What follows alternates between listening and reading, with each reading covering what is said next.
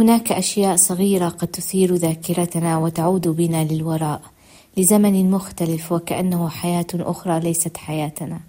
هذا ما فعله بي حجاب الفتاة التركية التي تدرس معنا السويدية. هذا الحجاب الذي تتدلى من أطرافه شعيرات صغيرة يشبه تماما الحجاب الذي كنت أرتديه أيام المدرسة. ووجدت نفسي أسرح بخيالي إلى مدرسة مزدحمة. والتي لا يقف فيها أحد في الطابور عند الكافيتيريا أو كما كنا نسميها المقصف.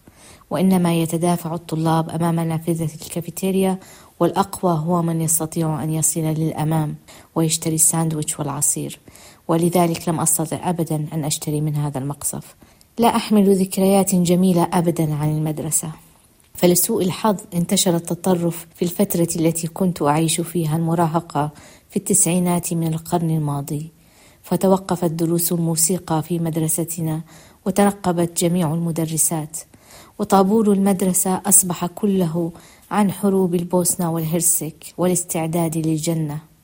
كل ذلك مر في ذاكرتي وأنا لازلت أتأمل في القماش الذي على رأس زميلتي.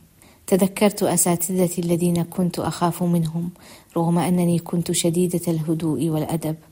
ومعلمتي التي كنت أحبها التي لم تغفر لي أنني نسيت يوما واحدا فقط أن أحضر الدفتر معي وضربتني بمسطرة طويلة قائلة من وراء قلبي يا هند وماذا استفدت من قلبك الذي هان عليه ضرب طفلة؟ الكثير من الذكريات المؤلمة من تنمر لغبار وجدران ننظفها أسبوعيا. هذه الذكريات تبدو بعيدة وكأن شخصا آخر هو من عاشها وليس أنا. كيف تغيرت لدرجة أنني أصبحت أنقز أو أفزع إن قابلت منقبة بالصدفة؟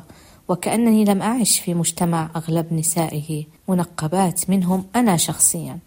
فقد تنقبت لستة أشهر وكنت أتنقب في كل مرة نذهب لعرس كي أغطي وجهي لأنه مزين بالمكياج.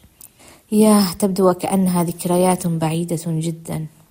نظرت لي زميلتي وقالت هل عجبك الحجاب؟ فرديت عليها. نعم جميلة هذه الشعيرات التي تتدلى منه. فابتسمت. هند الإرياني.